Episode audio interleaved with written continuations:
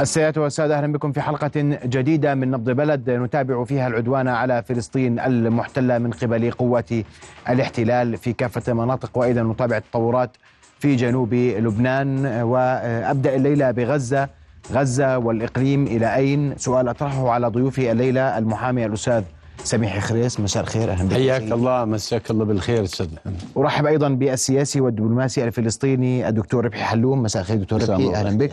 أهلا بك يا أخي محمد. رؤيا بودكاست وأبدأ معك أستاذ سميح. والسؤال غزة اليوم إلى أين مع اشتداد المعارك؟ الوصول للجنوب محاصرة خان يونس أو محاولة محاصرة خان يونس امتداد هذا القصف العشوائي الهمجي إلى مختلف المناطق المدنية التي كانت يفترض أن تكون مناطق آمنة. آه أستاذ محمد شكرا لك وللمنبر المحترم.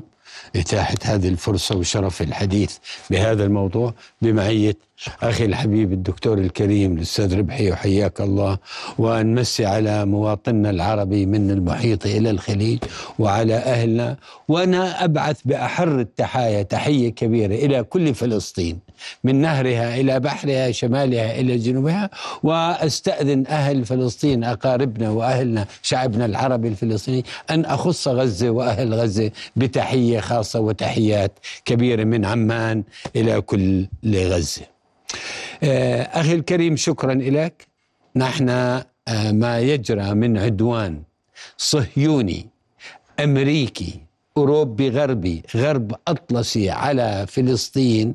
هذا ليس بجديد. هذا بدأ من اتفاقية سايكس بيكو فوعد بلفور وتلاه تأسيس الكيان وما قبل تأسيس الكيان المجازر التي صارت بفلسطين دير ياسين وما كذا كل هذا الحكي. وما زال هذا العدوان مستمر إلى كل المحطات العدائية على فلسطين. وأيضا السبعة وستين وما بعد السبعة وستين والثلاث وسبعين وما بعد الثلاث وسبعين وما زال. هذا العلة والغاية ما يجري الآن هو استمرارية لتلك السلسلة. لكن تلك السلسلة ما هو الدافع ما هي الغاية منها؟ الدافع والغاية أيضا بأن الغرب الأطلسي من بدايات القرن الماضي أنشأ هذا الكيان ليكون رأس حربتهم بوجه أمتنا العربية بكاملها ولفصل عرب آسيا عن عرب إفريقيا ولتكون هو رأس حربتهم حماية لمصالحهم. وبالتالي هذا الكيان هو الكيان الوحيد الذي أخذ اسم دولة تحت سقف هيئة الأمم المتحدة بقرار وليس انسجاما واستمرارية تاريخية كباقي دول العالم، يعني أنشئ بقرار نعم. عندما كان العالم يحكم الغرب الأطلسي صانع القرار فيه وما زال يصنع القرار فيه، لكن إن شاء الله أننا سننتقل لعالم آخر متعدد الأقطاب. إلى أين؟ كما حضرتك عنوان اللي تفضلت فيه، إلى أين؟ إلى أين الآن؟ في مرحلة طرح شيء اسمه يهودية الدولة. ومرحلة طرح الشرق الأوسط الجديد. طرح الشرق الأوسط الجديد شمعون بيريز بعد مؤتمر مدريد. ومن ثم حاولوا إسقاطه على أرض الواقع بالعدوان الذي حصل بال 2006 في لبنان بمواجهة حركة المقاومة حزب الله. كويس؟ لما فشل ردوا رجعوا إلى أسلوب آخر اللي أنا بحساباتي أسميه الذي سمي ربيعا أنا رأيي ربيعا عبريا. لما كل ذلك فشل لم يتحقق ما أرادوه بدأ الآن لأن يترجم يهودية الدولة على أرض فلسطين أن لا يبقى فيها إلا ماذا؟ ومن إلا من هو يهودي. وممنوع أن يبقى لا مسيحي ولا مسلم. المسيحي قبل المسلم ممنوع. يبقى ومفروض يطلع. لماذا كل هذا الحكي؟ الحقيقة وقالوا لاحظ لاحظ أستاذ محمد ومشاهدنا الكريم يلاحظ قبل فترة وزير المالية العدو الصهيوني في باريس وضع خارطة نعم. إسرائيل الكبرى وقد ابتلع الأردن. رغم أنه تربط في اتفاقية وادي عربة حتى هذه الاتفاقية ضربوا فيها عرض الحائط وهذا تهديد مباشر لنا نحن في الأردن. وأيضا نتنياهو بالجمعية العمومية بهيئة الأمم نفس الشيء تحدث بأنه هذه إسرائيل الكبرى. وبنفس الوقت أيضا هو الآن يقول بالتهجير. التهجير تفريغ غزة وتفريغ الضفة الغربية خطوة خطوة بدي أجل التهجير ب- ب- ف- بمحور مخصص. يعني بفقرة. مستقلة تفضل. آه هذا الأمر هذا الأمر إلى أين يعني هذا القصف المستمر اللي على المدنيين من أكتمل شهرين ودخل الشهر الثالث طيب لغاية اللحظة هذه لم يحققوا أي نصر جزئي على حركة المقاومة كمقاومة كويس لكن عم بيحققوا نصر بقتل المدنيين بالمجازر بسفك الدماء. وهذا ليس نصرا هذا وهذا ليس هذا. إجرام فقط. وهذا إجرام أحسن. وبنفس الوقت هذا هو يتمثل به الإبادة البشرية. بكل وسائلها هم مختارين وسائل القتل مع الحصار مع منع الماء منع الكهرباء منع الطاقة منع منع كل وسائل جريمة الإبادة البشرية عم يستعملها. كويس. اليوم شو تصريحاتهم اليوم؟ اليوم شو تصريحاتهم؟ قالوا لا يمكن أن يوقف إطلاق النار بغزة إلا تحت شرطين الشرط الأول استسلام حماس. نعم حركة حماس والشرط الثاني الإفراج عن كافة ال- الرهائن أو الأسرى أو المختطفين. يسموا كيف. هذا الذي يجري الآن لكن أنا بقول أنا بقول رغم كل الآلام رغم كل الجراح رغم كل كذا أنا باعتقادي القادم جيد لصمود الحركة المقاومة وتجسد بأرض الواقع بالمحيط العربي تجسد محور المقاومة. وهذا اللي كنا زمان نقول عنه خلص برضو- بس العبارة. بأرجوك محور دول ما الطوق كان يقال دول الطوق الآن صار بإذن الله في محور دول الطوق ومقاومة دول الطوق. شكرا. طيب أسمع وجهة نظرك أستاذ دكتور ربحي وأنا سأعود لمحور المقاومة تحديدا وسأعود أيضا لموضوع التهجير لأنه ملفين أساسيين لكن ما يحدث في غزة اليوم مستمر متواصل. الهمجية مستمرة والصمت العالمي مستمر والصمت الدولي مستمر والموافقة إن صح التعبير الدولية مستمرة. صحيح. آه، مساء الخير آه، لكم واتفق مع معظم ما قاله أخي آه، آه، أستاذ سميح. آه، آه، ما يجري في تقديري هو عبارة ألخصه بالقول بالعامية بالعامية فشه خلق من القيادة الإسرائيلية. آه، ردا على المفاجأة التي لم يكونوا يتوقعوها الهزيمة الأولى في تاريخ الكيان الصهيوني على امتداد تاريخه منذ نشأته حتى الآن الهزيمة الأولى التي تلحق به على يد بضعة مقاومين هي السابع من أكتوبر. فقد اتزانه القيادة الصهيونية الآن في يعني تتخبط خط عشواء. تقصد أنها مقاومة دون جيوش معنى بعد الكرامة إن صح نعم التعبير. نعم نعم. أتحدث أنا عن على صعيد آه، آه، أول هزيمة له على الأرض الفلسطينية. آه، بالضبط نعم.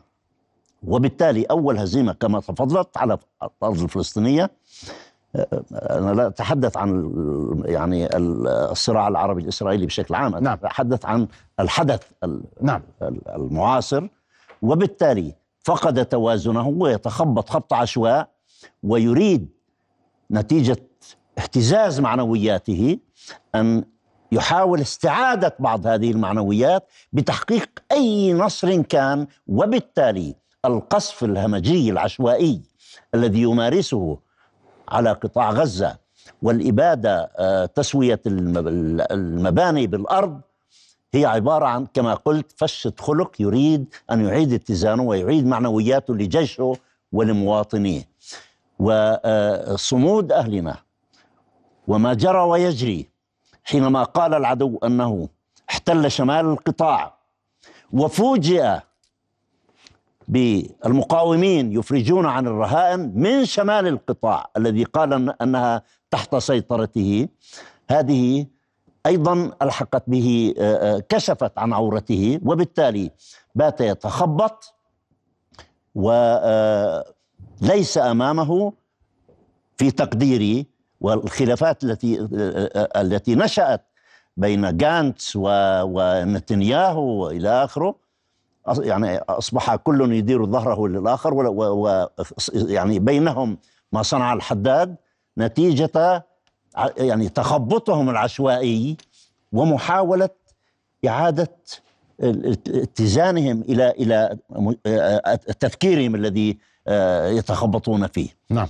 هذا تلخيص عابر بما يجري لكن يقيني أن إخوتنا في حركة حماس الذين صنعوا التاريخ في السابع من أكتوبر وكما قلت ال ال الهزيمة الأولى في على صعيد آه، فلسطيني آه، آه، شكل انعطافة تاريخية لأول مرة ومقدمة لحتمية زوال هذا الاحتلال. ما لحق بهذا الاحتلال في بضعة ساعات فجر يوم 7 أكتوبر 220 مقاتل المقاومين تمكنوا من السيطرة على ثلث جنوب فلسطين بكاملها لخمس ساعات كاملة على كل المستعمرات. هذا أسس لحتمية قادمة أن النصر على هذا العدو قادم لا محالة. نعم. وأنت ذكرت أستاذ سميح محور ودول الطوق ومحور الممانعة. نعم. والسؤال برأيك نعم. هل موقف دول الممانعة اليوم محور المقاومة؟ إن صحت التسمية مما يحدث في غزة كافي. أنا الحقيقة أستاذ محمد ما يلي. أنا بيعنيني راح أجيب يعني كما حضرتك تفضل. أنا يعنيني الآن ماذا؟ يعنيني أن القضية الفلسطينية استلمها العالم الشارع العالمي. الشارع العالمي بكامله. ونزعت من أيادي بعض النظام الرسمي العربي بعض النظام الرسمي العربي الذي موقفه لا يعني لا ينسجم مع ضمير الإنسان العربي. كويس؟ هذا يعنيني ذلك.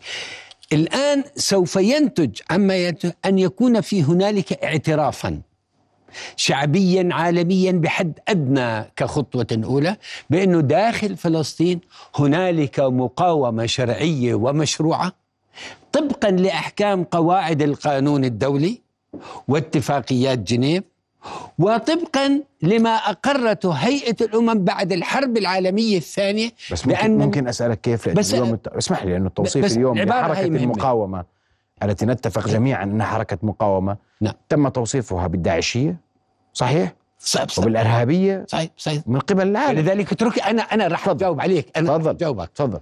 أنا بقول لك سوف نتج وينتج اعتراف شعبي عالمي بالشارع العالمي بأن داخل فلسطين هنالك حركة مقاومة شرعية ومشروعة طبقا لأحكام قواعد القانون الدولي العام وطبقا لقرارات الجمعية العمومية لماذا؟ لأنه بعد الحرب العالمية الثانية وضعت هذه النصوص بالقانون الدولي والقرارات لشرعنة المقاومة الفرنسية اللي كانت بوجه النازية أثناء الاحتلال الألباني لفرنسا إذا لماذا هنالك مقاومة شرعية ومشروعة؟ وفي نصوص بقانون الدولي وفي قرارات جمعية العمومية. شو بتقول النصوص وشو بتقول القرارات؟ تقول القرارات بأن من حق الشعب المحتل مواجهة قوات الاحتلال التي تحول دونه وتقرير المصير بأن يقاومها بما في بكافة الوسائل بما فيها المقاومة المسلحة. والشق الثاني من القرار يقول من حق الشعب المجاور للشعب المحتل أن يدعم الشعب المحتل ويعينه وصولا إلى تقرير مصالح م- تقرير مصيره بكافة الوسائل بما فيها السلاح إذا الآن أنا عندي شعب محتل يحتل الكيان العدو الصهيوني وعندي في حركة مقاومة بمعزل عن التسميات بمعزل ما, ما نحصر حماس يعني أنا برأيي طبقا للقانون الدولي أي عشر أشخاص أي عشر أشخاص يقاوم هذا العدو داخل فلسطين هو مقاومة شرعية ومشروعة.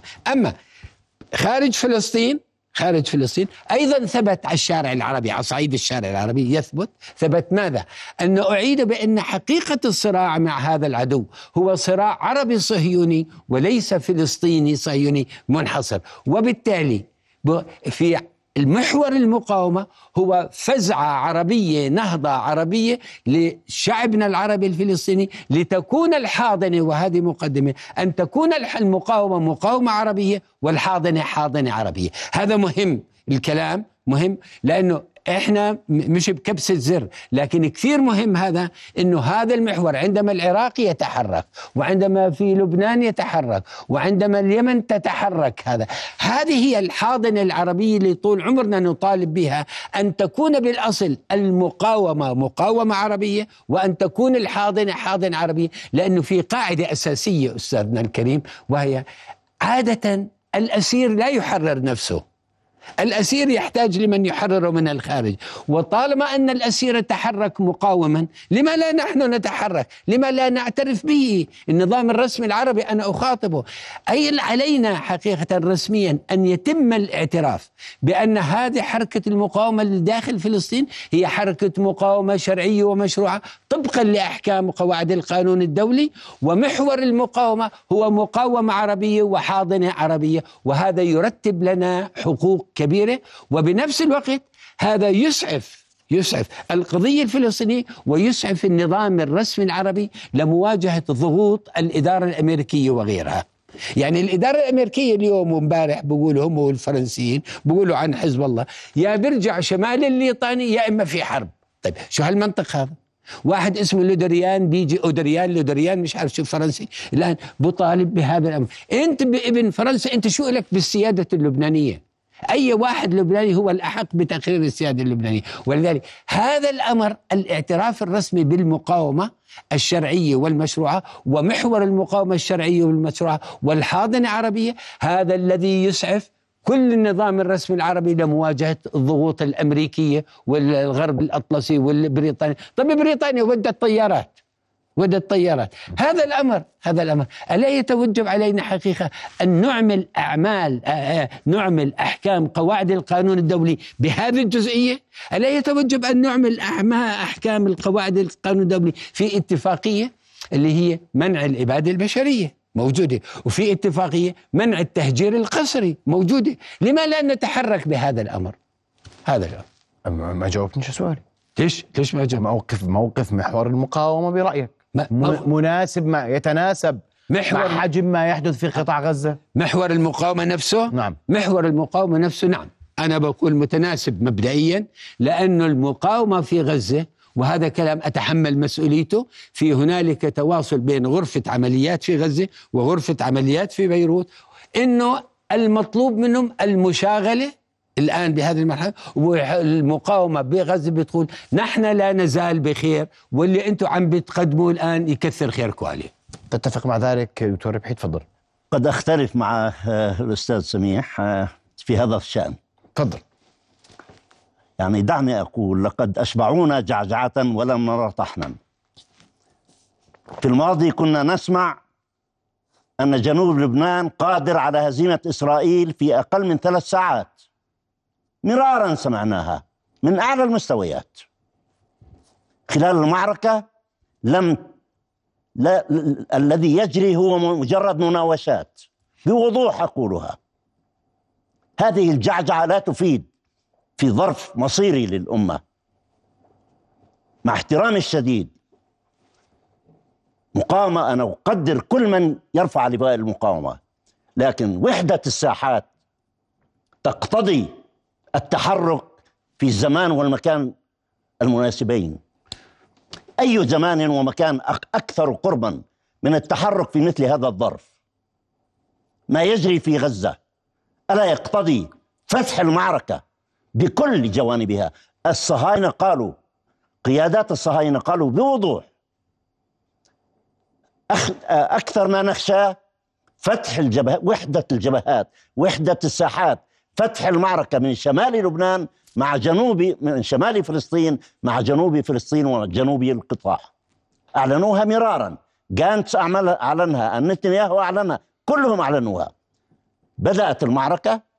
لم يتناسب رد الفعل المطلوب. هذه الجعجعة أنا آسف أتكلم بهذه الحدة. لكن علي كفلسطيني أن لا ت... تركوا غزة وحدها. أين رد الفعل؟ أين الذي قيل قادرين على هزيمة الصهاينة في ثلاث ساعات؟ مع احترامي الشديد أج- أجلهم كمقاومة لكن أريد فعلا لا أريد جع- جعجعة في في الميدان. شكرا. تفضل. اسمح لي أعقب. طبعا. آه وأنا بدي اسمع بدي بدي تعقيبك أيضا على ما يحدث ان هناك قصف مستمر على جنوب لبنان. طبعا طبعا. وهناك استهداف طبعا طبعا لمناطق طبعاً، عديدة في طبعاً. الدولة السورية أيضا من قبل طبعا الاحتلال. طبعا تفضل. طبعا احسنت شكرا شكرا شكرا. الحقيقة يعني أنا بقدر آه، أخي الحبيب الأستاذ ربحي بقدر انفعاله بقدر كذا وقطعا بكل دوافع وغاياته دوافع وغايات نبيلة يعني يقينا. لكن أنا بدي أقول مسألة. يا اخوانا أنا وياك يا أستاذ ربحي وكل الناس قاعدين إحنا هون ما شاء الله علينا لابسين بدلات ومطقمين ومتحممين وجايين وكذا واللي الاخرين كذا وكذا. لكن هذا عمل عسكري لا اقرره أنا وإياك. العمل العسكري لا اقرره أنا وإياك. وإحنا لما قلت طيب اليوم اليوم في بيروت كان اليوم في بيروت كان في لقاء لو كل ممثلين المقاومة. وقالوا وهذا أنا أنقل لكم كلام سمعته بالأخبار قالوا بالعكس المشاغله اللي عم بيقوم بها حزب الله مشاغله ممتازه من الذي. قال آه؟ من الذي؟ والله أنا سمعت اليوم بالمؤتمر. مين اللي قال تحديدا؟ ما ما أنا عارف. بصدق. لو عارف مين هو لا ذكرت الاسم. وبتحمل مسؤولية ما عندي مشكلة. نعم. أيضا بنفس الوقت. الآن يا أخي ربحي يا أخواننا نحن عدونا المباشر وصراعنا. ليس هذا العدو الصهيوني إسرائيل لوحده منفردا. نحن نواجه الغرب الاطلسي بأكمله. الفزعه اللي إجوا من أمريكا من بريطانيا من فرنسا من ألمانيا من إيطاليا من إجوا إجوا هذول ب... يعني هذا بالتاريخ ما صارت هيك فزعة. ولذلك نحن عدونا كل هؤلاء. كل هؤلاء الغرب الأطلسي بكامله هو العدو. طيب سلموا إسرائيل 15 ألف قذيفة. سلموهم 100 قنبلة تخترق التحصينات. طيب. كويس. هذا الأمر هذا الأمر يفرض علينا أنه العمل العسكري والمواجهة أيضا الحكمة أنه الميدان والعسكر المتفقين مع بعضهم المقاتلين المقاومة هم الذين يقررون أن يرفعوا من وتيرة اللي حضرتك تفضلت فيه وكذا. الآن مثلا الآن مثلا في لبنان زي ما تفضل. طيب امبارح طائرات أمريكية من حمص وجنوبا عم تمسح بيها. كويس. بريطانيا مودية طيارات كمان نفس الشيء بتمسح. اليوم أعلى درجات القصف على جنوب لبنان. طيب هذا ألا يدعو؟ يعني إن شاء الله أنا هم مش منتبهين. حزب الله وغير حزب الله إن شاء الله انهم مش منتبهين وأنا وياك بس المنتبهين. لكن العمل الميداني العسكري لا اقرره أنا وإياك. تتفق مع ذلك دكتور؟ لا. أختلف. أختلف. شأنك. تفضل تفضل. اسمح لي على صعيد يعني أرجوك- أرجوك. لما أنا لا لا يعني بكل مودة ما بعرف دوافعك وغاياتك النبيلة أخي بعرف. الحبيب وأخي الكريم أنت أخ عزيز تفضل دكتور. ولك كل احترام لدي. يعني لا- قد نحن بنحكي نختلف عن مواقف. متبادل متبادل. هذا رأي هذا رأي. تفضل. طبعا. لكن دعني أقول لك أنا بلغت من العمر 85 عاما. العمر المديد يا سيدي. قضيت أكثر من نصفها وأنا أحمل البندقية. لم آتي من فراغ ولم ألبس يعني اللباس الأنيق وغيره آه، اقتضي الأمور أن يعني آه، آه، ألبس ما- يتفق مع آه، وهذا ليس شكلي أمر ليس عادي أمر عادي أمر عادي جدا شو خير إن شاء الله. وبالتالي الذي يحصل في الميدان كما قلت لك أنا سمعت وسمعت وأنت سمعت وكل العالم سمع أكثر من مرة قادرون على محو إسرائيل بثلاث ساعات. قيلت أكثر من مرة. والله أنا للمرة الأولى أسمعها قسما بالله. أنا بالنسبة لي. والله أعتقد إن أنا- أنا بالنسبة لي. أنا آه لا لا. أنت صادق أنا بحكي يعني عن حالي. نعم. اثنين أخي آه إخواننا في حزب الله قالوا عتبوا على أن حماس لم تبلغهم بما قامت به في السابع من أكتوبر.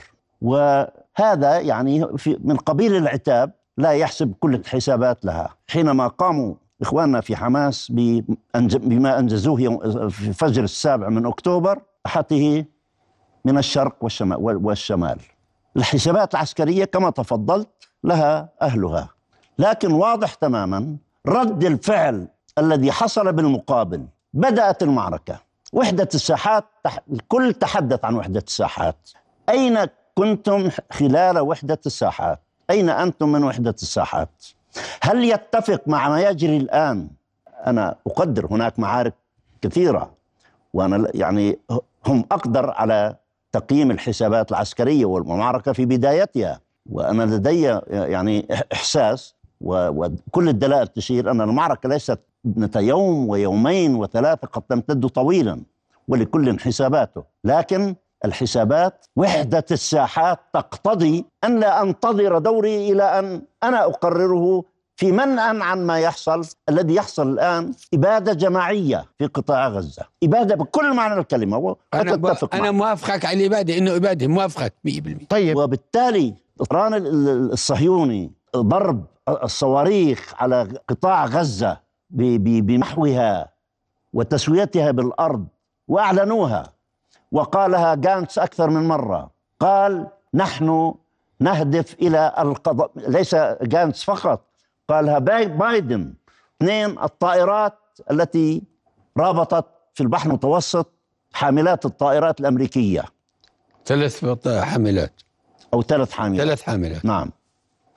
حاملتين اعتقد امريكتين واحدة إيطالية أو ثلاث أو ورابعه ثنتين يا سيدي ثنتين المهم. مش خلافنا. مش خلاف دول. هذه هذا الموقف يقتضي المشاركة في الميدان. لا البقاء بمجرد مشاغلات على الحدود. أين وحدة الساحات في العمل العسكري أنا لست عسكريا لكنني يعني أزعم أنني مررت في دورة في الصين ومارست العمل العسكري وحملت البندقية في يعني في فترات لكن لا أزعم أنني أخطط عسكريا. وحدة الساحات تقتضي أن لا أبقى متفرجا وغزة تقصف الآن. تفضل.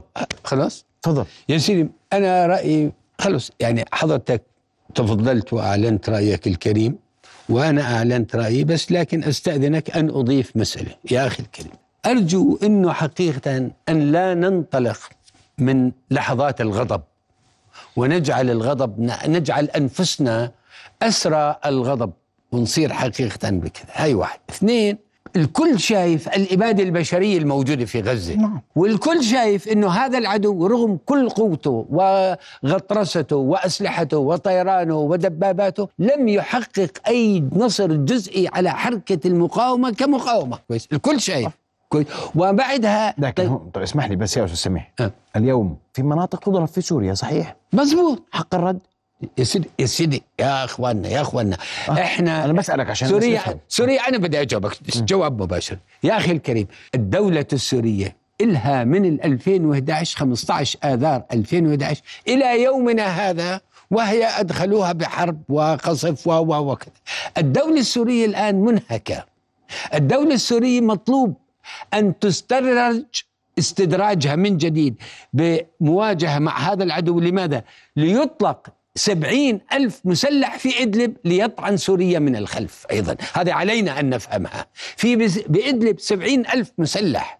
هذول هذول كلهم تحت إمرة الأمريكي. كله تفرعات داعش كله تفريخ داعش كله زغاليل داعش كله ولاد داعش. هذول الآن بعدهم ما زالوا هذول مطلوب منهم أيضا دور على سوريا. المطلوب استدراج سوريا لمعركة هنا والجيش السوري الآن حقيقة علينا أن نعترف الجيش السوري ما زال يعني الحمد لله قوي بحدود معينة ضمن الإمكانيات الموجودة لكن أيضا ليست من الحكمة أن أنا أطلع جوات بيتي في في جوات بيتي بيهددوا أولاد وفي ناس على الباب برا أطلع للناس اللي على البرا وأترك اللي جوا يذبحوا أولادي ويردوا يتفق هو واللي برا يقتلونه. جيبوا. تفضل. جيبوا.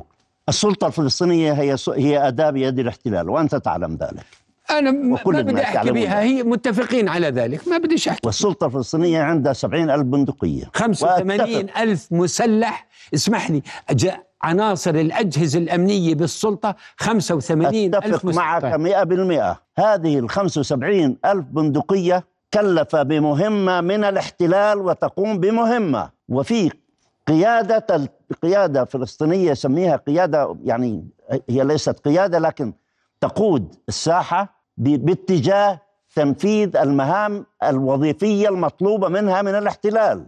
أتفق مئة بالمئة. لا خلاف بيننا على ذلك. وما يجري في الداخل عرين الأسود الذي قام بتصفية عرين الأسود محمود عباس قبل أن يقوم به تقوم به إسرائيل. صحيح. صحيح. طيب. هذا لا نختلف عليه. لكن عرين الأسود ما زالت ما زالت. حية وكل يوم الغربية ما زالت. تتوالد صحيح. شعبنا ولاد صحيح. صحيح ويقدم. شعب عظيم. نعم. شعبنا العربي الفلسطيني شعب عظيم. صحيح. شعب من بدايات القرن صحيح. الماضي وهو صحيح. يحارع بأعداء طيب. الأمة. صحيح. ولكن السبعين بندقية ال- التي في يد أجهزة الأمن الفلسطينية ليست لقتال إسرائيل محكومة أمريكيا وتفضلت. تتفق معي في ذلك القول وقلت قبل قليل أنها. ليست لقتال إسرائيل يعني بهذا المعنى 70 بندقية لدى السلطة الفلسطينية طيب لكن ال... ال... الآن المعركة أين؟ المعركة في غزة مش في الضفة الغربية الضفة الغربية تقوم بالقيادة الفلسطينية حيث تقوم بم- بمهمة وظيفية في غزة تقصف وتحاصر كله كله صحيح كله كله صحيح. شيء أين الموقف العربي من ذلك؟ 22 دولة عربية بلا يا سيدي الموقف الرسمي العربي أنا أنا أنا لم أتحدث عنه وما بدي أدخل فيه وحتى أكثر من ذلك. إحدى الدول العربية بالبدايات بعد 7 أكتوبر 7 أكتوبر طلبوا من العدو الصهيوني طلبوا منه إنه يا عمي مك اقضوا عليهم وبدنا السلطة تحكم غزة وإحنا جاهزين نعم. لإعادة عمرها نعم. ف... فأنا يا اخوانا خلينا إحنا خلينا نحصر حالنا. ما بدنا كمان نحكي أستاذ ربحي أرجوك وأنت رجل عاقل ول- ولستم بمعرض مجاملتك. تسلم. وأنت رجل محترم. شكرا. ما بدنا نقعد نحكي الآن يظهر كلامنا طخ على فصائل محور المقاومة. أرجوك بذلك. أرجوك. لأنه لأنه إذا بدنا نقعد نحكي هيك من حيث ندري أو لا ندري اصطففنا مع الآخر. أرجوك. أخي. بس بس. وخلينا وكمل أسئلتك. أرجوك. كمل أسئلتك طيب، بترجاك يعني- أنا لم أنبس ببنتي شفة على أي فصائل يا أستاذ مقاومة. ربحي ما قلت أنت نبست. أنا بقول خلينا نحصر إحنا خلينا خلينا الحقيقة بالجانب الإيجابي. بترجاك. يعني هل صدر مني شيء ضد فصائل المقاومة؟ بترجاك. ما قلت صدر. أه. أنا ما يا أستاذ سميح ودكتور ربحي عشان أغير الموضوع بدي منك بدقيقة. إحنا لوين رايحين؟ أؤمر لوين رايحين؟ أنا تقديري من حيث المبدأ. في بعض المخاوف لكن بالأرجح لأنه قلت لك مخاوف لماذا؟ لأنه نحن عدونا الغرب الأطلسي بكامله. كويس. الأرجح. ال- الأرجح أنا باعتقادي القادم كويس. دكتور. السابع من أكتوبر وض... رسخ القاعدة لما هو آت هي بداية التحرير. وهي حتمية الوصول لهذا التحرير. أشكركم كل الشكر أستاذ سميح و بعدنا ما بديناش. ما. نزل. خلصنا. أول أشكركم الرقص كل حنجلة الشكر. بعدنا بالحنجلة ما خلصناش الحنجلة شكرا لك يا أستاذ سميح. شكرا لك دكتور ربحي رؤيا بودكاست.